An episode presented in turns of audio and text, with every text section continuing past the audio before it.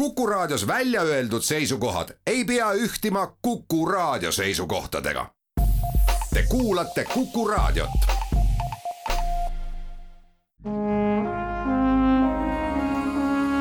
Vanemuise veerand. tere teile, head Kuku raadio kuulajad. tere saatekülalisele, kelleks on Vanemuise muusikajuht ja peadirigent Risto Joost. tervist! mina olen saatejuht Tiia Rööp. tulekul on Vanemuise sümfooniaorkestri hooaja avakontserdid. Homme, teisel septembril Vanemuise kontserdimajas, kolmandal septembril, see on siis laupäev, Pärnus ja neljandal septembril kell seitseteist Estonia kontserdisaalis. miks rõhutasin Estonia kontserdi kellaaega, sest teised kontserdid algavad kell seitse. Vanemuise sümfooniaorkestri hooaja avakontsert on traditsiooniliselt sündinud koostöös Eesti Kontserdiga. nii toimuvad ka Tartu ja Pärnu kontserdid, aga Estonia kontserdisaali kontsert on natukene teistsugune. See toimub koostöös Eesti Vähiliiduga. ma tõesti ei hakka küsima, miks Vanemuise sümfooniaorkester toetab Eesti Vähiliitu, sest nende kolmekümne aasta jooksul, mis Eesti Vähiliit tegutsenud on, on nad teinud ära tohutu suure töö selleks, et inimesed teadvustaksid, kui oluline on meie enda tervisekäitumine vähi ennetamisel ja kui oluline on see, et õigeaegselt vähk avastatakse. tahaks pärida hoopis seda, et kui need inimesed, kes tulevad homme Vanemuise kontserdisaali kontserdile ja need, kes lähevad laupäeval Pärnusse, tahaksid ka Eesti Vähiliidule annetuse teha, kas neil on see võimalik? kindlasti on võimalik ja selleks on erinevaid kanaleid, seda saab kindlasti teha Vanemuise kodulehe kaudu aga ma usun, et ka kohapeal on mingisugused võimalused ja vihjed selleks, kuidas Vähiliitu toetada ja ma arvan, et see sissejuhatus oli igati kohane, et mul on isiklikult olnud suur hea meel ka panustada Vähiliidu tegevuse propageerimisse just läbi muusika ja, ja nendes ähm, protsessides. Muusikuna ma olen olnud osaline päris mitmel korral erinevate kollektiividega ja sedakorda siis Vanemuise sümfooniaorkestriga ja, ja mul on selles mõttes väga hea meel, et me saame esitada seda muusikat, mis meile meeldib ja me saame esitada ka Tartu muusikat. Ja me saame esitada suurepärast lääne klassikat mis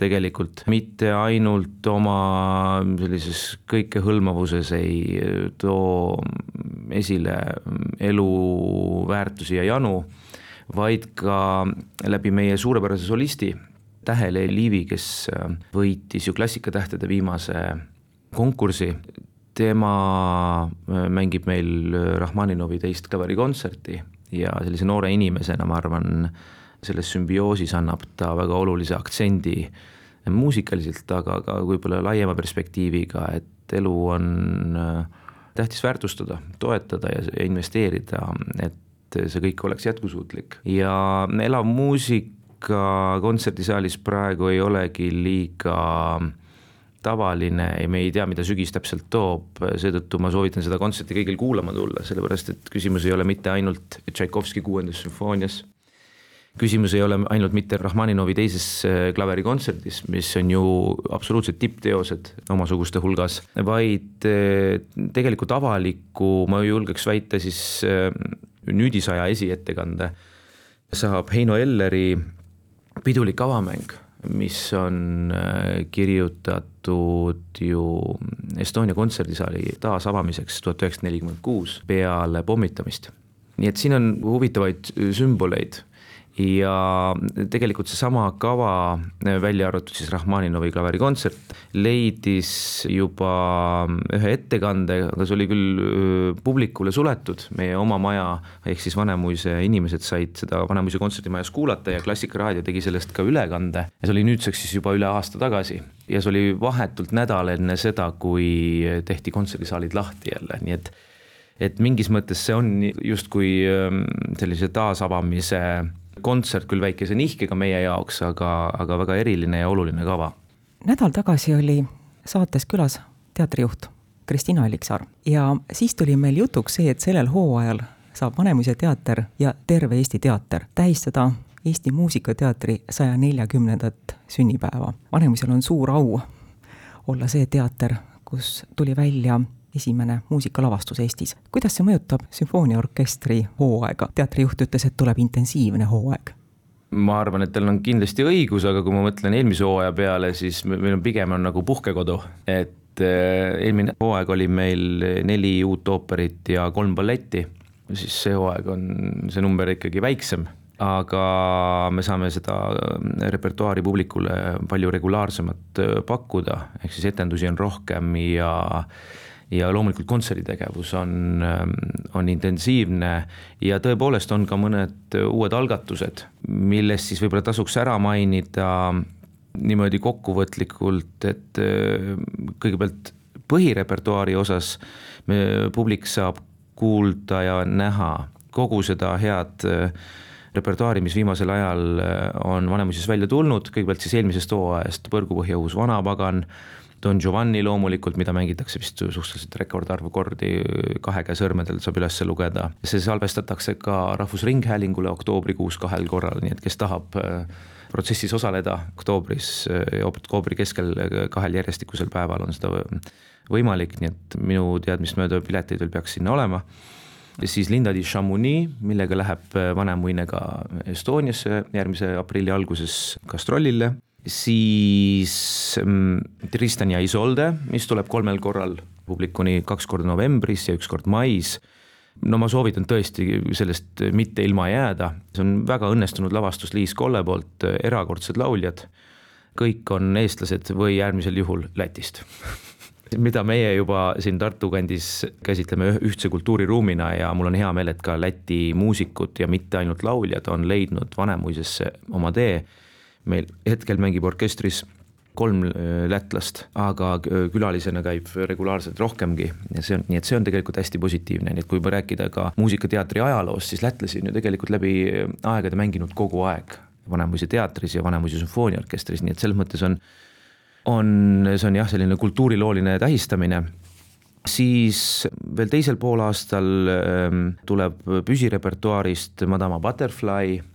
Meil tulevad ähm, äh, suurepärased debüütrollid Mirjam Mesak, kes on Eesti publikule ju tuntud kui Baieri riigiooperi solist, siis Raimond Spramanis, kes põhimõtteliselt on läti nimega, aga Eesti tenor, no vähemalt ütleme Tartu tenor päris kindlasti, siis Marcin Bronikovski, võib-olla nimi, kes eestlastele on vähem tuntud, on Poola suurepärane bariton, laulnud omal ajal ka La Scalas, ta on Eesti naisterahvaga abielus ja Eestiga on tal tihedad seosed, aga ta pole Eesti lavadel pea üldse üles astunud, mina olen tema, temaga teinud Birgitta festivalil kaks produktsiooni, aga et ühesõnaga sinna tasub tulla, on asja kokkuvõte. korra mainisin Viini, Viini verd ja võib-olla ooperi poolelt siis veel või lauluteatri poolelt ähm, uuslavastused on Tõnis Kaumani ooper Kaubamaja, mis on täiesti erakordne teos ja minu arvates Tõnis Kaumann on kaasaegne Eesti Mozart, üks parimaid teoseid, mida Eesti muusikaloos on loodud muusikateatri žanris, kindlasti tasub tulla Sadama teatrisse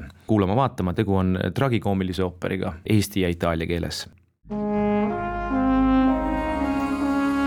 Vanemuise veerand. saates on külas Vanemuise muusikajuht ja peadirigent Risto Joost, kes jätkab ülevaadet Vanemuise muusikaosakonna ja sümfooniaorkestri hooajast Mare Domingas lavastab Cyrano de Bergeraci, Heino Tambergi erakordne ooper, kõik ootame seda huviga, meil on oma maja Roxanne eh, Pirjo Joonase näol. seda ootame kõik suure huviga, siis Evert Sund ja, ja Tauno Antsi koostöös eh, lastemuusikal Sipsik, kes ei tea Sipsikut, seda teost on võimalik eh, kuulda ja näha veebruaris, mis jääb kindlasti pikemaks meie mängukauba Maria Annus on lavastaja. siis balleti poole pealt on, on hea meel, et me saame teha Pähklipure uuslavastuse taas kord Mare Tomingaga koostöös ja see siis leiab äh, oma uuslavastuse novembri lõpus tundub, et see nimekiri on päris pikk ja tegelikult, ja tegelikult seda ta, seda ta ongi.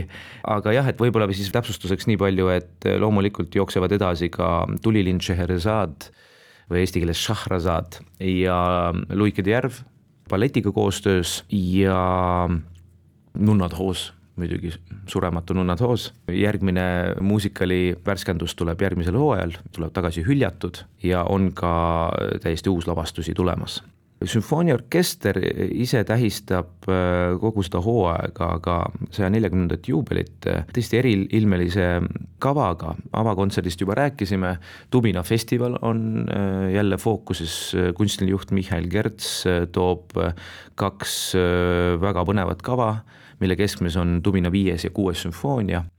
Igaüks leiab selle info detailsemalt üles Vanemuise kodulehelt ja Eesti Kontserdi kodulehelt siis me oleme al alustamas uue algatusega Hingedepäeva kontsertide sari ja alustame Kreegi Requiemiga ja selle eestikeelne versioon juhatab Martin Sildos, külalisena on Hans Christian Aavik, Nilseni konkursi võitja, äsjane fantastiline viiulivirtuoos ja tema mängib meile Arvo Pärdi muusikat, Arvo Pärdi Fratrese ja kõlab ka kantus Benjamin Britteni mälestuseks. siis on äh, kavas ka traditsiooniline advendikontsert. Ja siin peab vahepeal vahele märkima, et ka meie koor teeb äh, a capella kontserdi, mis on suhteliselt eriline nähtus. Väga palju rõõmu on, et meie uued koormeistrid on, on selle algatusega käima saamas, seepärast see vajab ooperikoorid väga, väga palju energiat ja tähelepanu, novembri lõpus siis ka advendikontsertide raames nad astuvad Pauluse kirikus ähm, a capella kavaga meie ette. siis oluline nüanss veel ooperigala detsembrikuus Kaspar Mänd äh, toob äh, külalisdirigendina põnevad solistid, põneva kava, on külalisi nii Eestist kui, kui välismaalt, täpsustama hetkel ei hakkakski.